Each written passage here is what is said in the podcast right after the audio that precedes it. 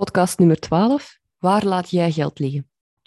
Vandaag wil ik het graag hebben over het low-hanging fruit dat jij nog laat liggen. Ik ga jou echt voorbeelden geven. Er zijn er natuurlijk nog veel meer. Dus ik zou je willen uitnodigen om ook eens naar je eigen business te kijken. Uh, om te zien of er ergens easy money is dat jij momenteel nog niet opraapt. Eerste voorbeeld: out-of-scope diensten niet aanrekenen. Stel je hebt een prijs afgesproken voor een dienst en je klant wil nog extra's, vraag je dan elke keer betaling voor die extra's. Bijvoorbeeld, je bent belastingconsulent, je hebt een offerte gemaakt voor het voorbereiden van een aangifte. En tijdens het voorbereiden merk je dat er ook nog fiches voor eerlonen moeten opgemaakt worden. Dus die doe je ook nog snel. Reken je daar dan de correcte prijs voor aan? En soms is het niet zo zwart-wit. Stel je hebt die aangifte gemaakt en je klant komt mij vragen. Wil bijvoorbeeld weten waar het bedrag van de restaurantkosten vandaan komt. Of vraagt wat de berekening is van de aftrekbare autokosten. Dan is het niet meer zo zwart-wit, want waar is het maar gewoon een normale vraag die jouw klant uh, jou stelt? En vanaf wanneer ben je eigenlijk bijkomend advies aan het verlenen um, waar de prijs niet op voorzien was? Of stel je ontwerpt logo's voor mensen dan heb je waarschijnlijk een aantal reviewrondes bepaald. Als een klant daarna toch nog een kleine aanpassing vraagt en nog eentje en nog één, waar begin je dan de grens te trekken en ga je effectief een hogere prijs vragen dan oorspronkelijk was afgesproken?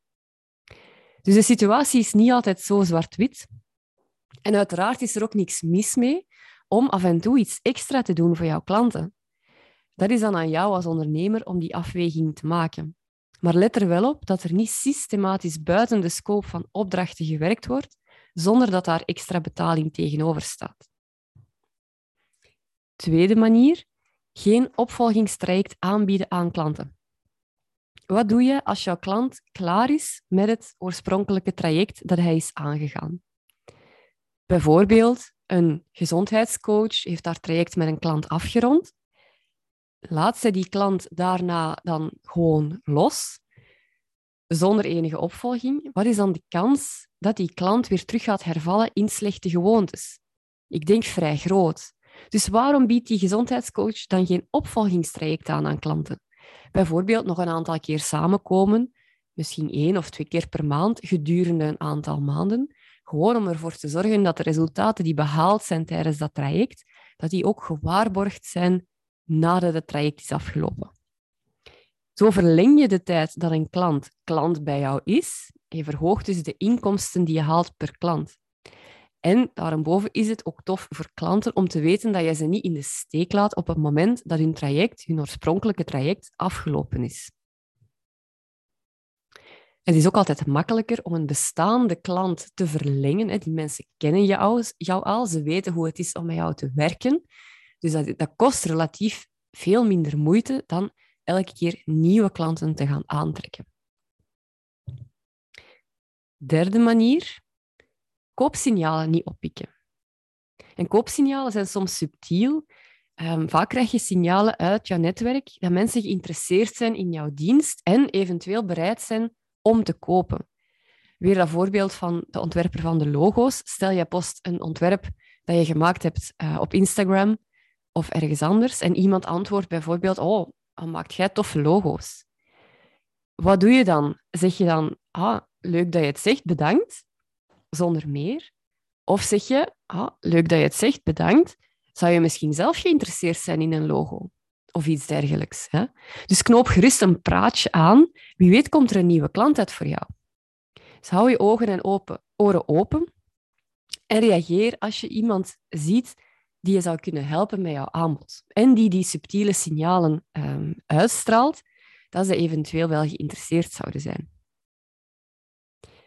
Vierde manier om geld te laten liggen, dat is vroegere klanten niet meer opvolgen. Heb je een klant gehad die momenteel niet meer actief is bij jou? Volg dan af en toe een keertje op. Stuur bijvoorbeeld een kerstkaartje of stuur een berichtje. Gewoon, hallo, hoe gaat het ermee? We hebben vorig jaar ons traject afgerond. Hoe gaat het nu? Dat is vaak het duwtje dat mensen nodig hebben als ze eventueel opnieuw hulp zouden willen, maar gewoon die stap nog niet gezet hebben zelf.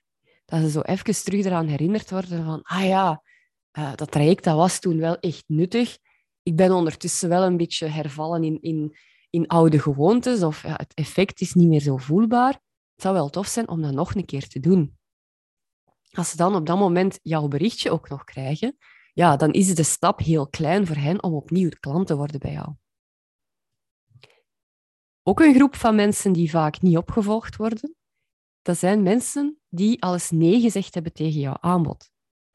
Iemand waar dat je ooit een gesprek mee gehad hebt, eh, een salesgesprek, maar waar op dat moment geen, geen transactie uit voortgekomen is. Er is niks mis mee om die mensen enige tijd later, en misschien niet de week later, hè, maar een paar maanden later bijvoorbeeld, om die nog eens te contacteren, gewoon om te horen of die situatie ondertussen misschien veranderd is. Want uiteindelijk was dat eerste gesprek er gekomen voor een reden. Die persoon had een bepaald probleem, er was interesse in jouw aanbod, er was, een bepaalde, uh, was contact geweest, een bepaalde klik geweest, waardoor dat, dat gesprek tot stand was gekomen. Nu, als dat is afgesprongen omdat er geen persoonlijke match was met die persoon, ja, dat gaat waarschijnlijk niet veranderd zijn. Maar misschien waren er andere omstandigheden die maakten dat die persoon destijds geen klant werd. Of misschien was zijn probleem nog niet ernstig genoeg. Ja? Um, misschien was dat bijvoorbeeld, als ik spreek vanuit mijn geval als business coach, misschien was dat een klant die net zijn zaak begonnen was, die wel dacht, ja, misschien zou het tof zijn om met een business coach aan de slag te gaan, maar oké, ik probeer eerst nog wel eens even zelf. Ja, een aantal maanden later kan die eventueel wel, als hij nog altijd geen, geen omzet gedraaid heeft, dan kan die wel met de handen in het haar zitten van ja, oei, ik ben dat nu al maanden zelf aan het proberen, het lukt nog niet. Dus die omstandigheden zijn dan veranderd. Dan gaat zijn probleem al acuter zijn en gaat hij eventueel wel bereid zijn om met mij in zee te gaan. Dus als ik die persoon dan gewoon een berichtje stuur van kijk, we hebben een aantal maanden geleden gesproken, toen um, zijn we niet samen in zee gegaan. Is dat nu nog altijd hetzelfde of is de situatie veranderd? Ja, dat kan dan die mens ook weer het juiste duwtje in de richting geven om te zeggen, ah ja, effectief, eigenlijk, um, de situatie is veranderd. Nu zou ik wel um, een traject bij jou willen aangaan. Zesde manier waarop mensen geld laten liggen is onder de prijs werken. En er kunnen goede redenen zijn om een lagere prijs te vragen dan je eigenlijk zou kunnen doen. Daar heb ik het in mijn podcast alles over gehad. Dat is podcast nummer vier. Hoe bepaal je als starter je prijs? In het begin ga je waarschijnlijk niet direct heel hoge prijzen gaan vragen. Want je moet je strepen nog verdienen. Je hebt nog niet veel klanten gehad. Je hebt nog niet zoveel ervaring. Ja, dan is het echt normaal dat je ook een lagere prijs gaat vragen. Maar laat dat niet te lang duren. Want eens dat die ervaring wel komt, eens dat die positieve reviews binnen beginnen komen, dan ga je geleidelijk ook jouw prijs verhogen, totdat die echt de waarde weerspiegelt die jij biedt. Dus blijf niet hangen in die heel lage startersprijs. Over prijs gesproken, ik hoor soms mensen zeggen: Ja, maar ik wil het laagdrempelig houden. Ik wil niet dat de prijs mensen gaat afschrikken.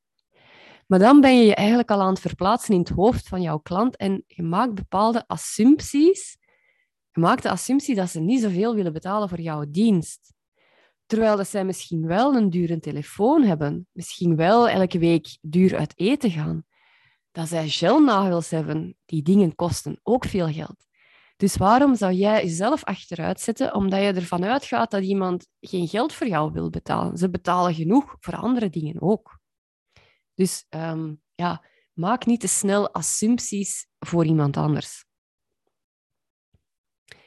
Zevende manier om geld te laten liggen, dat is geen slimme strategie hebben voor jouw betaalpagina's.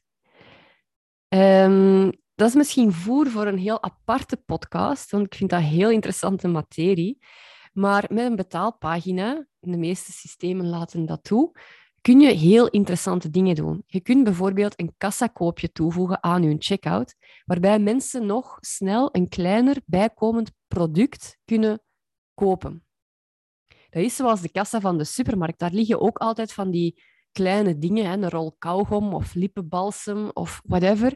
Zoiets dat je heel gemakkelijk nog uit het schap pakt en bij op de, op de band legt um, om nog bijkomend te kopen. En zo werkt het eigenlijk exact hetzelfde online. Naast zo'n kassakoopje kun je dan ook nog een one-click upsell toevoegen. Dus mensen hebben afgerekend hun transactie is eigenlijk afgerond, maar in plaats van dan te zeggen dankjewel, tot ziens, ga je zeggen dankjewel, ik heb nog iets voor jou dat jou zou kunnen interesseren. Je gaat dat ongetwijfeld al gemerkt hebben als je bijvoorbeeld ergens online kleren bestelt. Hè, vaak krijg je dan nog dat bericht van wat jou ook zou kunnen interesseren, is dit. En dat kassakoopje en die one-click upsell, dat zijn dus echt heel makkelijke manieren om die waarde per klant nog eens te gaan verhogen. Hoe dat je dat dan promoot en welke boodschap dat je daar rondbrengt, um, daar zitten zo'n beetje subtiele nuances in, want je wilt de mensen natuurlijk ook niet het gevoel geven dat ze iets gekocht hebben, um, terwijl dat ze eigenlijk beter iets anders hadden gekocht, hè, die in een upsell, dat mensen denken van oei, uh, had, ik, had ik dan ineens dat moeten kopen, kopen misschien. Dus dat moet, er moet wel een bepaalde logica achter zitten. Maar als dat allemaal klopt, dan kun je daar echt um, ja, dan kun je daar heel makkelijk nog, nog goede zaken aan doen. Laatste manier om geld te laten liggen, dat is als je geen downsell aanbiedt voor mensen die jouw core aanbod niet willen kopen.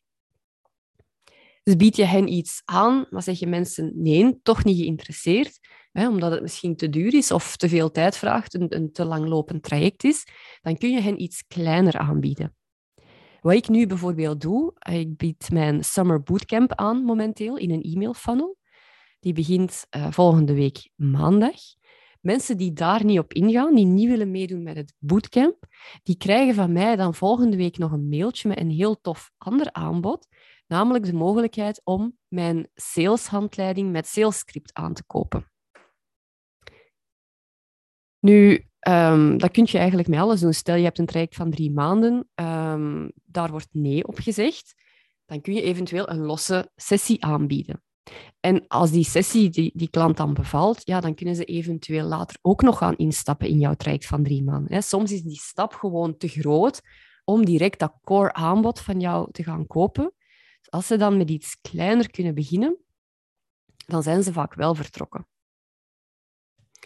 Dus dat waren acht voorbeelden van manieren waarop ondernemers vaak geld laten liggen in hun bedrijf.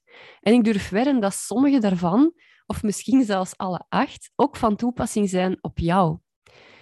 En zelf kom je waarschijnlijk, als je er eens goed over nadenkt, ook nog wel op een, paar andere manieren.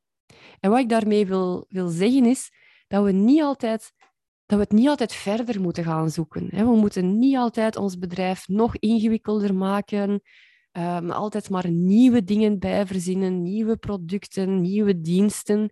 Maar kijk eerst een keer goed naar je huidig businessmodel en kijk waar dat je nog kunt optimaliseren. Dat is soms veel makkelijker, veel efficiënter en veel lucratiever dan altijd maar nieuwe dingen te gaan zoeken. Als je graag hebt dat ik samen eens met jou meekijk naar waar dat jij in jouw bedrijf mogelijk nog kunt optimaliseren, stuur me dan vooral een berichtje. Dat kan op verschillende manieren ofwel via e-mail aan at fortheloveofgrowth.net of via het contactformulier op mijn website. Ik heb de link in de show notes toegevoegd. Dat is www.fortheloveofgrowth.net. Ik weet het, niet zo'n handige bedrijfsnaam, maar kijk, het is wat het is.